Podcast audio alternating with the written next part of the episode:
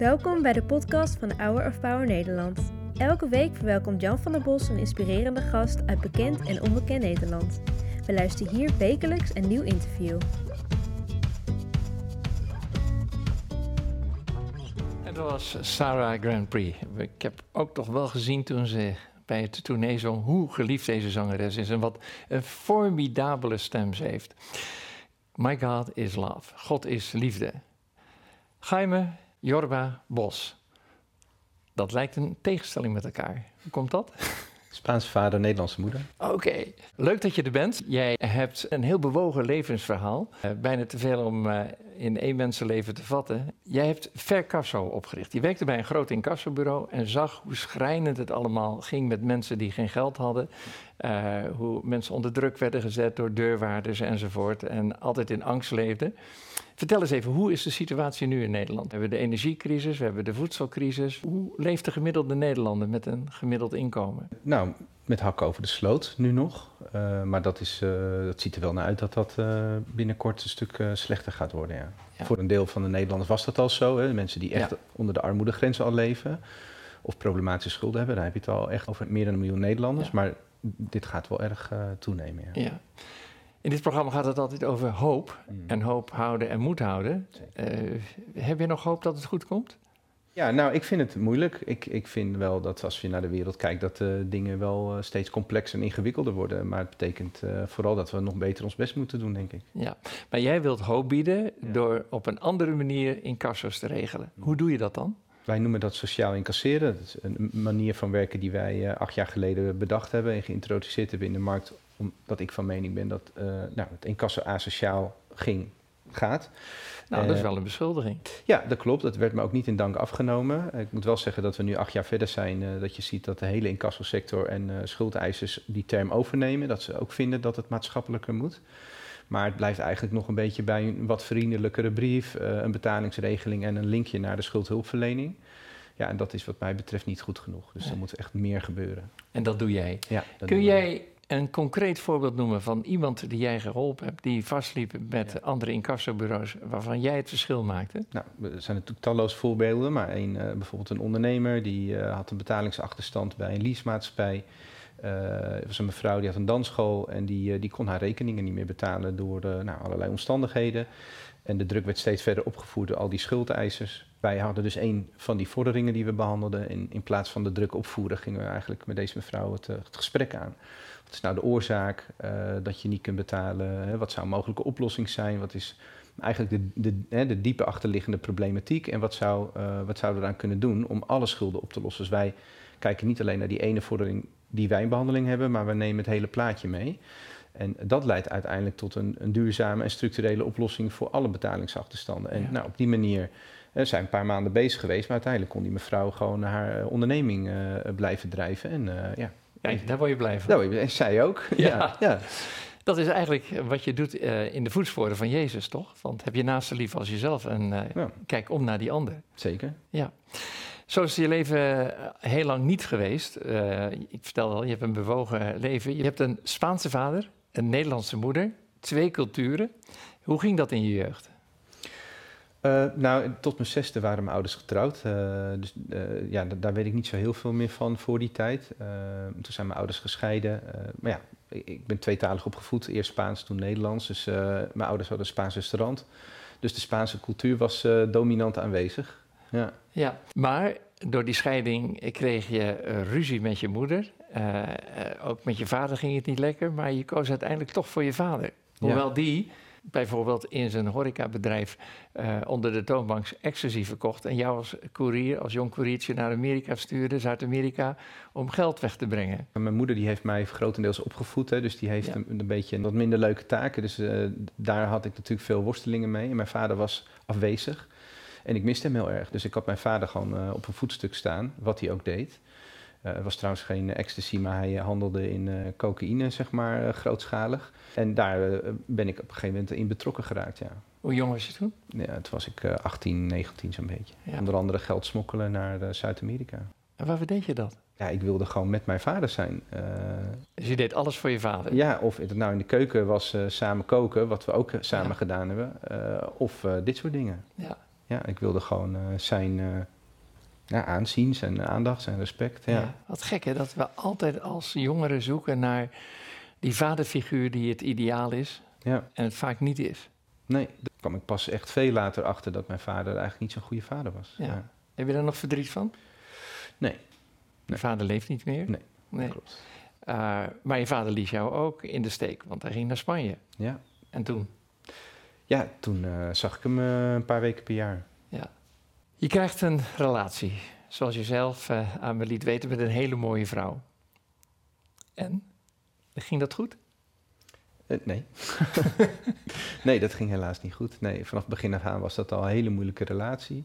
Met heel veel vallen en opstaan. Eh, maar, zeg maar de eerste acht jaar van die relatie dacht ik, eh, vond ik, en dat was voor een groot deel ook zeker mijn eigen schuld, doordat ik eh, ja, eh, veel stappen, drinken en drugs gebruikte in die tijd. En het tweede deel van die relatie, ja, toen was ik in de tussentijd tot geloof gekomen. En toen was ik een soort van... Hoe, hoe kwam je tot geloof? Want je Nou, zat zwaar in- Eh, ja, aan de drugs Ja, ik, eh, en ja, de drank. Ja, ik had eh, twee horecazaken en het was altijd feest. En ieder weekend ecstasy en cocaïne en drinken. Het was zo dat je gewoon een weekend compleet doorfeestte, dag en nacht. dat, dat, ja, dat kwam regelmatig voor. En dat heeft me emotioneel gesloopt. Die relatie ging voorbij. David, mijn oudste zoon, was toen al geboren. Die was anderhalf. Ja, en toen ben ik echt, toen ben ik echt door mijn hoeven gezakt. vooral emotioneel. Eh, en toen, ik weet nog, op een nacht eh, was ik echt eh, zo ontzettend verdrietig. ook echt wel onder invloed van alles en nog wat. En ik was in mijn eigen zaak. Het was ik, een uur of vijf s'nachts. De zaak was leeg. Ik was alleen. En ik ben op mijn knieën gegaan. En ik zei, ja, God, als er bestaat, ik, ja, ik kan wat hulp gebruiken. Zeg maar. Dat was echt wel een... wat ik toen uitschreeuwde.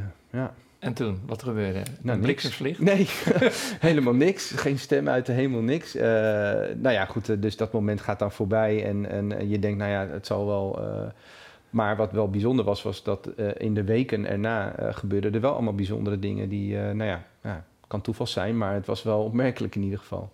Ik ben de Bijbel gaan lezen bijvoorbeeld, daar snapte ik helemaal niks van. Ik dacht, nou ja, laat maar. En eh, ik was vooral heel erg, ja, ik deed Maar wat natuurlijk... snapte je niet? in? Want ik, ik kan me zo voorstellen, als je niet gelovig bent opgevoed, dat ben Ja. ik wel met, met, met de, ongeveer met de Bijbel als paplepel ingegoten. Ja. Eh, Dan ga je dat boek lezen, het meest gelezen boek ter wereld. Wat gebeurt er dan? Ja, ik begon gewoon de bladzijde 1 en eh, ja, zoals je een boek leest. Dus ja, en ja, het, het was, ik vond het gewoon wel ingewikkeld wat er stond Ja. en, en ik snapte het gewoon niet helemaal. Het was ook, ja, ik weet niet, het, het, pakte me niet op een of andere manier. Dus ik heb dat terzijde gelegd en toen ben ik eh, op een gegeven moment een ander boek gaan lezen over het geloof. Ja, en dat raakte me echt mijn hart, zeg maar. En toen, eh, dat heeft enorm geholpen. Welk boek was dat? Eh, bidden, geloof ik, van Philip eh. Oh, ja. Dan begin je je zoektocht, want je leven is een zoektocht naar wie ben ik, waar kom ik vandaan, waar ga ik naartoe. Maar ook je zoektocht naar God. Hoe loopt dat af? Nou, ja, dat is nog niet afgelopen, denk ik. Want Nee. het is, ook dat is vallen en opstaan. Ik, heb, eh, dit, ik zit nu eigenlijk weer in een soort van tweede geloofscrisis. Eh, door allerlei dingen die zijn gebeurd. En eh, dus ik, ik geloof dat God bestaat. Daar heb ik eigenlijk geen twijfel over. Maar alle andere dingen die ik, veel dingen in ieder geval die ik in de Bijbel lees, over genezing of over nou, dat je samenkomt en bidt en dat het je gegeven wordt. En nou, dat, ik, het staat er heel letterlijk en heel vaak gebeurt het gewoon niet. En, en eh, er is gewoon heel veel verdriet in de wereld. En ik snap dat God ons hè, vrijheid heeft gegeven, waardoor we keuzes kunnen maken. En dat daardoor goed en kwaad ontstaat in de wereld. En met mijn hoofd snap ik het. Maar ik, vind, ik kan er wel heel verdrietig van worden. En, en, eh, dus met mijn hart eh, vind, ik het, vind ik het lastig soms. Ja. En denk je dat God jouw verdriet deelt? Ja, dat geloof ik 100%. Ja. Ja. Ja, dat denk ik ook.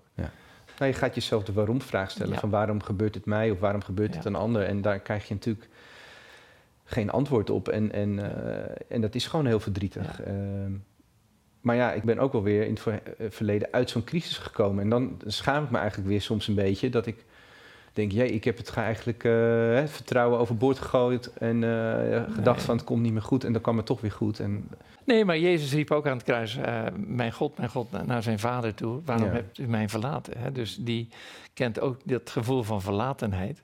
Ik maak dat ook mee. Dus en iedere keer is het vallen en opstaan en God weer terugvinden. ja. Even nog terug naar je relaties. Want eh, ja, door de, al dat eh, zoeken van je, eh, vond je een nieuwe relatie. ja. Hoe ging dat? Eigenlijk heel goed. Dus ik, ik, ik vond het een wonder dat ik nog een ander leuk persoon had gevonden. Ook gelovig. En, dus dat was heel bijzonder. En het was ook gewoon best echt ja, wel een hele mooie relatie. Alleen dat, ja, uiteindelijk kwam dat toch weer tot een einde. Dan denk ik, ja, nou, dan ben ik eigenlijk wel weer een beetje boos op God. Ik denk, hoe kan het nou dat dit toch weer gebeurt? Ja. En dat, ja, dus dan ga ik naar de kerk en dan zingen ze liedjes over wank, niet wankelen en zo. Ik denk, nou, ik doe niks anders dan wankelen. dus dat krijg ik dan ook niet uit mijn keel gezongen. En dan staat Benjamin, die staat daarnaast me en die kijkt me daarna en die zegt, pap, zingen. Ik zeg, ja. ja. ja.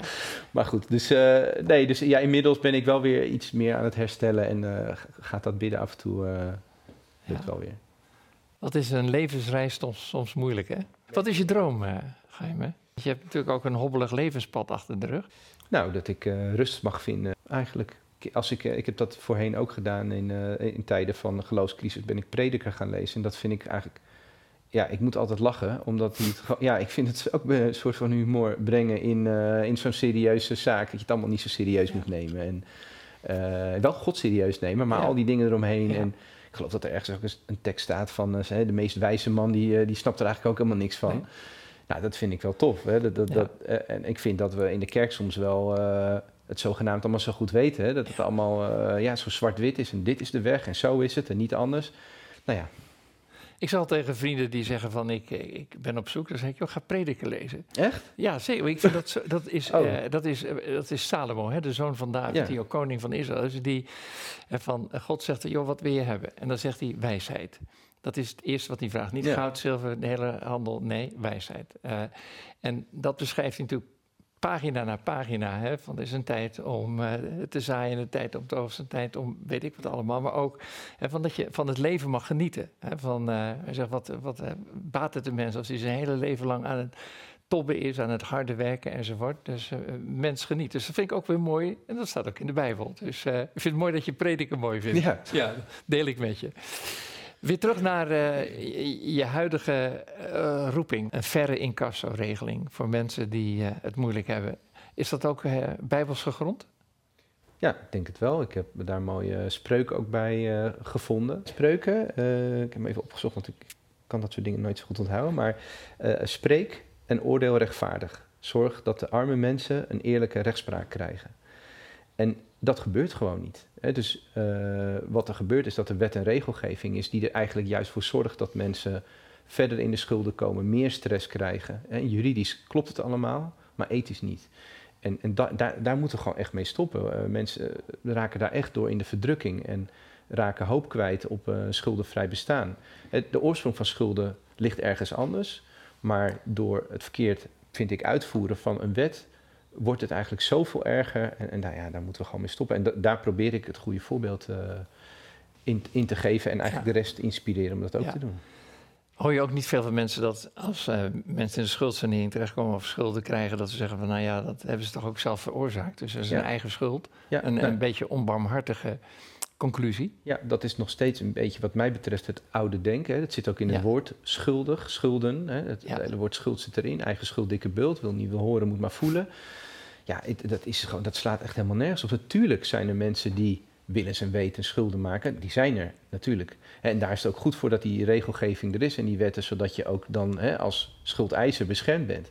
Maar het is natuurlijk heel raar dat als mensen ongevraagd, ongewild in de schulden komen, hè, met een betalingsachterstand van een paar honderd euro, een paar duizend euro kosten bij komt uh, vanwege een dagvaarding, uh, omdat je ja. je huur niet kan betalen. Ja, in eindeloze ja, komt, ja, dat vind dat echt uh, nou, bijna crimineel. Ja. Wij zijn van oorsprong een christelijk land, gebaseerd op christelijke normen en waarden. Ja. Die lijken wel ver weg als ik uh, hoor wat je nu zegt. Nou, het is ook heel raar. Stel dat je gewoon in Nederland uh, zonder baan komt te zitten. Dan hebben we met elkaar afgesproken, uh, dan is dat geregeld. Dan word je, ja. krijg je je salaris. Als je ziek wordt, word je doorbetaald. Maar als je schulden krijgt, dan moet je het zelf uitzoeken. Nee, wacht even, je krijgt er nog een schepje bovenop. Ja, ik vind dat gewoon niet, niet kloppen. En, uh, en het is ook helemaal niet slim, want uh, onlangs heeft de Rabobank nog een onderzoek gedaan dat het kost ons 17 miljard per jaar. Wat we, Hè? Ja, om een paar miljard te innen kost het ons 17 miljard per jaar. Dus het is financieel ook heel dom wat we aan het doen zijn. He, dus uh, een heel simpel voorbeeld. Je hebt een betalingsachterstand van 600 euro uh, en er komt 2000 euro aan kosten bij. Wat doet dat met uh, de kans op terugbetalen? Ja. ja, die neemt niet toe. Je krijgt niet sneller je geld. Dus het is gewoon ook heel onlogisch. Nou, het is een interessant verdienmodel voor de incassosector. Ja, dat nemen ze mij niet in dank af natuurlijk, dat ik dat zeg, maar dat is wel zo. Ja. Je bent wel een idealist, hè? Ja, ja dat ben ik wel. Dat word ik wel van. Uh, zelfs iemand wel eens gezegd dat ik te idealistisch ben. nou, volgens mij kun je dat nooit zijn. nee, volgens mij ook niet. Nee hoor. ik wil je heel hartelijk danken dat je hier je verhaal wilde vertellen. Veel succes toewensen met, uh, met wat je doet. Mooi maatschappelijk bewogen. En ik geef je graag dit boek mee van uh, Bobby Schuller, die zometeen gaat spreken over geloven, ook als je in de crisis zit. Het heet Houd Moed en 365 bemoedigingen voor elke dag van het jaar. Dus even kijken wat er vandaag staat op 6 november. Oh, dat is wel toepasselijk voor je. Hoewel ons geloofsleven verschillende seizoenen kent, zijn we het er denk ik allemaal over eens dat geloof in relatie staat met onze toekomst. Zonder geloof zouden we overmand worden door zorgen, uitputting en hopeloosheid. Dan zou je de toekomst niet meer zien zitten, zeg maar. Geloof is het ingrediënt voor een geweldig leven. Dankjewel. Met deze bemoediging voor vandaag hoop ik dat je morgen verder gaat lezen.